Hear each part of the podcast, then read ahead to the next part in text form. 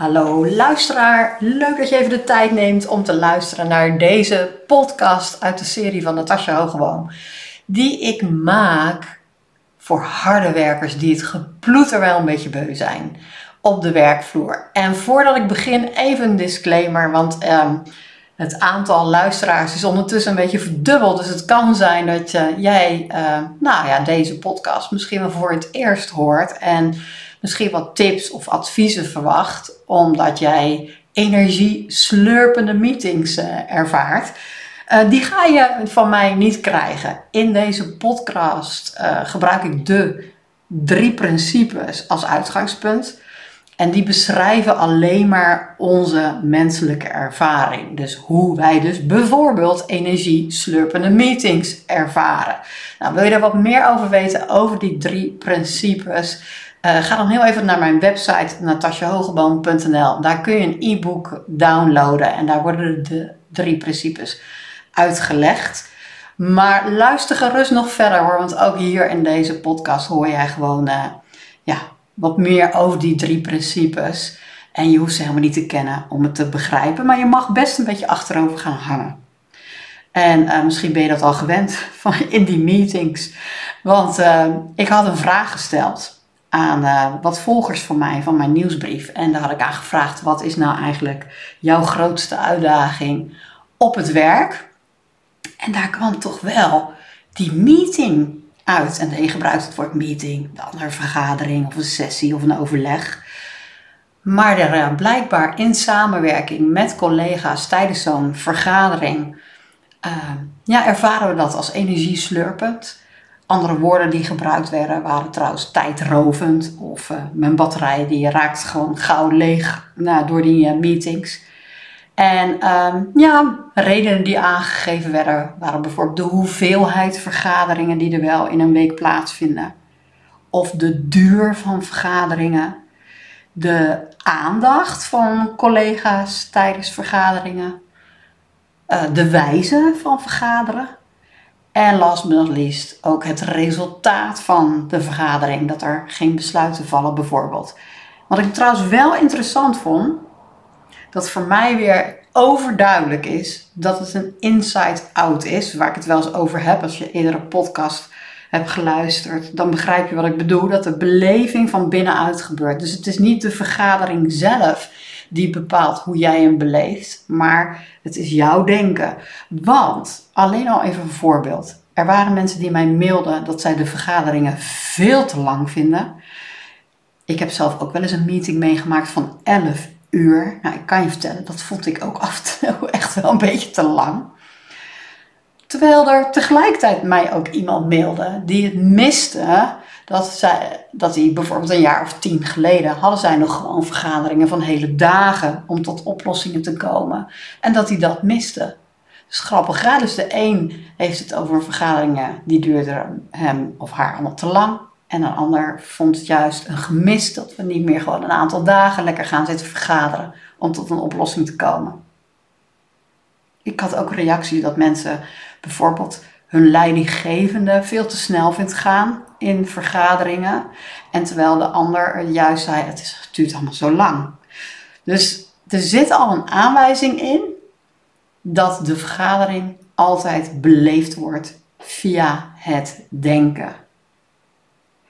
En als men mij dit ook zo mailt, moet ik er ook aan denken nu dat er al een verwachting zal zijn voor de eerstvolgende vergadering. Dus als jij nu luistert naar deze podcast en je gaat straks je agenda openen en je gaat eens kijken naar de vergaderingen die ingepland zijn, dan zijn dat niet louter afspraken in jouw agenda. Op een of andere manier wordt er een soort komma gezet en geef jij meteen betekenis aan die vergadering oh, dat zal wel weer een saaie vergadering worden. Of, oh nee, het wordt juist weer een leuke vergadering. En dus er is al meteen een oordeel.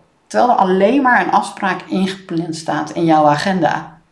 Dus de verwachtingen vooraf zijn eigenlijk al gekleurd. En de kleur trouwens kan ook nog eens een beetje afhangen natuurlijk van je gemoedstoestand. Zal je misschien ook wel herkennen. Want ja, als je een beetje zagrijnig bent, een beetje moe bent dan is het lastig om echt mm, je te verheugen op zo'n vergadering.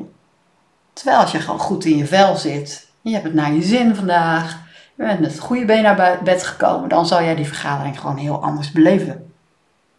En daarmee zeg ik niet dat het jouw schuld is hoe jij die vergadering beleeft. Hè? Jij bent niet schuldig aan die gemoedstoestand. Maar het kan natuurlijk wel behulpzaam zijn om het voor jezelf een beetje te herkennen. Ben je moe? Ben je wat neerslachtig? Ben je een beetje zagrijnig? Ja, dan zullen er ook wat, zal er ook gewoon wat negatieve gedachten zijn. En dan heb je zo'n vergadering gehad. En dan is die nabeschouwing, dat terugkijken op die vergadering ook nog wel een dingetje om misschien voor jezelf eens na te kijken. want jullie mailen mij dan van, nou, dat zijn energieslurpende vergaderingen. En dat brein, jouw persoonlijk brein, is gewoon helemaal in staat om dat weer terug te halen in je herinnering. En daar weer hele verhalen van te maken. Ik vergelijk dat altijd graag met een soort sportcommentator. Dus de sportcommentator is ook in staat om nog ellenlang te evalueren na een sportwedstrijd. Terwijl die sportwedstrijd misschien, uh, nou, laten we eens even dat hardlopen. In 10 seconden wordt er hard gelopen, maar er worden uren over gepraat hoe Usain Bolt of wie dan ook, Daphne Schippers, dat allemaal doen. En dat doen we ook in ons hoofd. Dat doen we ook in ons hoofd. Sterker nog, dat doen we soms al tijdens de vergaderingen. Ik herken dat zelf ook wel hoor. Zelfs in mijn trainingen, dat mensen gewoon op het eh, allerlaatste moment binnenkomen. Bijna nog struikelen ze over de, de, hoe noem je dat? Die regeling bij, bij, bij de deur. En dan struikelen ze binnen. Ze gaan zitten en ze zijn eigenlijk met hun hoofd nog gewoon bij de vorige meeting. Want dat app nog na, al die gedachten die daar waren. Hè, al die verhalen die ze toen in de vorige meeting hadden. En je merkt ook dat als ik gezegd heb, nou, eh, de training duurt tot half vier, dat eigenlijk om tien voor half vier, vijf voor half vier, de eerste mensen ook al hun spullen gaan pakken, omdat ze al met hun hoofd bij de volgende vergadering bezig zijn. Dus soms plan ik het ook maar gewoon tot vier uur. Dan stop ik maar liever gewoon een kwart voor vier te vroeg, zodat mensen echt met hun aandacht er zijn. Dus daar is al heel interessant om daar eens voor jezelf naar te kijken. Waar zijn die gedachten? Waar zijn die gedachten? Zonder dat je, je je nou schuldig moet voelen over wat er gedacht wordt. Want ja, dat is er nou eenmaal. Daar ben jij volkomen onschuldig aan. Het gebeurt gewoon. Ze poppen op. Zoals uh, popcorn ook in een popmachine, popcornmachine oppoppen. En ze gaan gelukkig ook weer vanzelf weg. Maar het is wel interessant om voor jezelf te herkennen. Zijn het helpende gedachten in dat moment dat je dan in die vergadering zit? Maar ja, dan wil ik best wel even trouwens die vergadering in twijfel trekken. Want wat is nou eigenlijk de nut en de noodzaak van vergaderen? En ik zeg nou niet dat je vergaderingen moet afschaffen.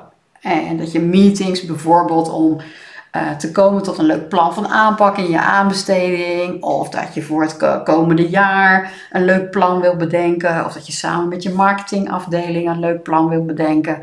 Ik zeg niet dat je dat moet afschaffen. Maar het is soms wel gewoon eventjes de nut en noodzaak. Er staan soms standaard vergaderingen ingepland. Of er worden gewoon vergaderingen ingepland met hele groepen. En dan moet ik er altijd aan denken dat, stel nou dat ehm, iemand dreigt te verdrinken in het water, die heeft hulp nodig. Gaan we dan echt met z'n allen allemaal het water in springen? Dan is het toch ook gewoon maar één of twee personen die even het water inspringen en dan diegene die dreigt te verdrinken gaan helpen? Lijkt me wel handig dat we dat niet met z'n allen gaan doen. Dus soms is het ook echt wel interessant. Waarom vergaderen we nou continu? En met z'n allen. Nogmaals, ik zeg hiermee niet, je moet je vergadering nu meteen ineens afschaffen. Maar ik weet zeker dat er een aantal luisteraars zullen zijn die meteen een soort ja-maar gevoel krijgen. Ja, maar die, deze vergadering is toch wel heel erg belangrijk. Want anders en dan puntje, puntje, puntje, dan gaat er een gedachtentrein rijden. Want als die vergadering er niet is, dan heb ik geen controle over mijn personeel. Of dan krijg ik geen input voor mijn plan. Dan heb ik geen draagvlak. Dan, en dan komen er dat soort woorden. Maar vervolgens nog eens een keer een komma, wat dat zou betekenen. Als er dan geen input is, als er dan geen draagvlak is, als er dan geen inspiratie van je collega's is, whatever. En dan gaat die gedachtentrein rijden. En die zal je ook wel herkennen. Hoe langer die trein gaat worden, hoe meer en meer onzin er gedacht wordt.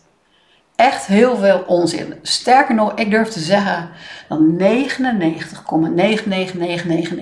van alles wat jij denkt klinkklare onzin is. Laat dat maar eens even binnenkomen. 99,9999999% is echt klinkklare onzin. Want als jij alles zou doen wat jij denkt, dan had je deze podcast niet meer kunnen luisteren. Ik ga je een voorbeeld geven. Ik loop wel eens over een 13e, 14e, 15e etage in een flatgebouw. En dan heb ik als over die galerij gelopen en dan kijk ik naar beneden en dan komt er heus wel eens de gedachte voorbij. Wat zou er gebeuren als ik zou springen? Maar ik ben echt nog nooit gesprongen. Iemand maakte recent ook zo'n mooi voorbeeld. Die zei van, ik zit wel eens op de snelweg en dan komt er ineens een file. En dan denk ik wel eens, wat zou er gebeuren als ik nu niet zou remmen? Ik heb het zelf ook wel eens, dat ik in de, inderdaad in de auto rij en uh, een bocht moet nemen. En dan denk ik, wat zou er gebeuren als ik gewoon rechtdoor rij? Maar dat doen we allemaal niet. Echt, er wordt zoveel klinkklare onzin gedacht en gelukkig handelen we er niet naar. Dus kijk er ook eens naar in de zin van voor jouw vergadering. Is die hele vergadering geen klinkklare onzin?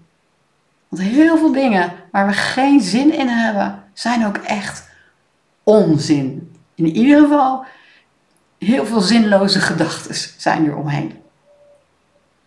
Maar nou, last but not least, wil ik het eigenlijk ook nog heel graag met jou even hebben over de wijze waarop we vergaderen. Want jullie zullen allemaal herkennen dat als we dan zo met zo'n groep aan het vergaderen zijn, dat er heel veel tijd wordt besteed aan diegenen die praten. We hebben allemaal van die dominante collega's of van die praatgraag collega's. Het zijn vaak altijd dezelfde. Het zijn dus mensen die heel veel woorden gebruiken. Net zoals in ons hoofd worden er heel veel woorden gebruikt. Klink, klare onzin. Sorry voor degene jij die praatgraag bent of die, die dominant bent. Maar is echt wel interessant hè. En dan luisteren we eigenlijk ook nog geen eens echt naar elkaar. Ik heb eerder ook een paar afleveringen terug ook daar een aflevering over gemaakt, hè, over het luisteren. Dus er wordt eigenlijk nauwelijks naar elkaar geluisterd. Hè. Wat ik in die aflevering ook al aanhaalde, even heel kort nu. Uh, laten ons afleiden. En we zijn gewoon met andere dingen in ons hoofd bezig. Dat doe je nu ook terwijl je naar mij luistert. Er komen gewoon af en toe andere woorden, andere zinnen voorbij. Ook al is het een, zin als oh, ik word hier eigenlijk best wel ontspannen van. Dat is toch een afleiding. Je luistert niet echt naar het verhaal. Het kan ook zijn dat je gaat zitten analyseren. En dat je gaat zitten vergelijken of oordelen. Of uh, hoe ga ik reageren in die vergadering. Je bent helemaal niet aan het luisteren. Je bent alleen maar bezig om al een antwoord te bedenken. En uh, misschien uh, ben je juist heel actief aan het luisteren. Wil je zo meteen heel goed kunnen notuleren, samenvatten in je hoofd wat er dan allemaal verteld is. En je gaat eigenlijk voorbij aan datgene wat echt nou de boodschap is. Dus we zitten tijdens zo'n vergadering met z'n allen enorm in het denken. Enorm. En denk ik weer terug aan die vergadering van 11 uur. Ja, dat was echt, daar heb ik wel gezien, dit is echt niet efficiënt. Dit is echt niet efficiënt. Maar toen had ik nog niet zo die inzichten in de drie principes. Want oplossingen, inspiratie, ook innovaties, dat soort dingen die we vaak dan willen bedenken tijdens zo'n vergadering, die worden niet bedacht. Creatie ontstaat echt altijd voorbij het denken. Of noem het voor het denken of tussen het denken. Het bestaat echt, of het ontstaat echt uit leegte. uit ruimte. We herkennen dat allemaal als we onder de douche staan, als we in een staat van ontspanning zijn, of als we op vakantie zijn, of we zijn even weg uit onze normale omgeving. Dan ontstaan er echt creatieve ingevingen en inspiratie. Het woordje in zegt het al, het komt van binnenuit. En van binnenuit bedoel ik niet mee vanuit jouw lichaam, maar vanuit die leegte, vanuit die ruimte, vanuit die stilte die voorbij de woorden liggen. Kijk daarnaar. Kijk daarnaar. En ja, dat, als je dat gaat zien, als je dat echt gaat begrijpen, kan het dus zijn dat je ineens opstapt en uit de vergadering weggaat omdat je de nut en noodzaak er niet meer van inziet. En merkt van, joh, we zijn met z'n allen enorme gedachtentreinen in aan het stappen. Daarin zit niet de inspiratie. En dat je zegt, stop, we stoppen en we gaan het gewoon op een andere manier doen. Of het kan zijn dat je überhaupt de vergadering helemaal cancelt. Maar nogmaals, het is geen tip om uit de vergadering te stappen of de vergadering te cancelen. Want het kan ook zijn dat je wel gewoon naar die vergadering gaat, maar hem ineens gewoon heel anders beleeft. Ook als er even geen besluit wordt genomen in zo'n vergadering. Ook als er even geen resultaat is. Want dat is ook goed. Totdat we er dan weer over na gaan denken. Nou, is er een ja maar of wil je hier eens over verder mijmeren? Neem gerust contact met me op. Of kijk even naar een van mijn programma's. Ik heb wat introductieprogramma's, zoals een online introductieprogramma of het dagretreat. Dat je echt op een eh, nou, makkelijke manier, zonder dat het een eens energieslurpende meeting is, uh, kennis kan maken met de drie principes. En ik kan je vertellen, ik uh, spreek natuurlijk een beetje uit ervaring, maar echt iedereen die ik ken die zich verdiept in de drie principes, ervaren hun leven echt een heel stuk ontspannender. Zonder dat dat nou eigenlijk het einddoel was. Tot de volgende aflevering.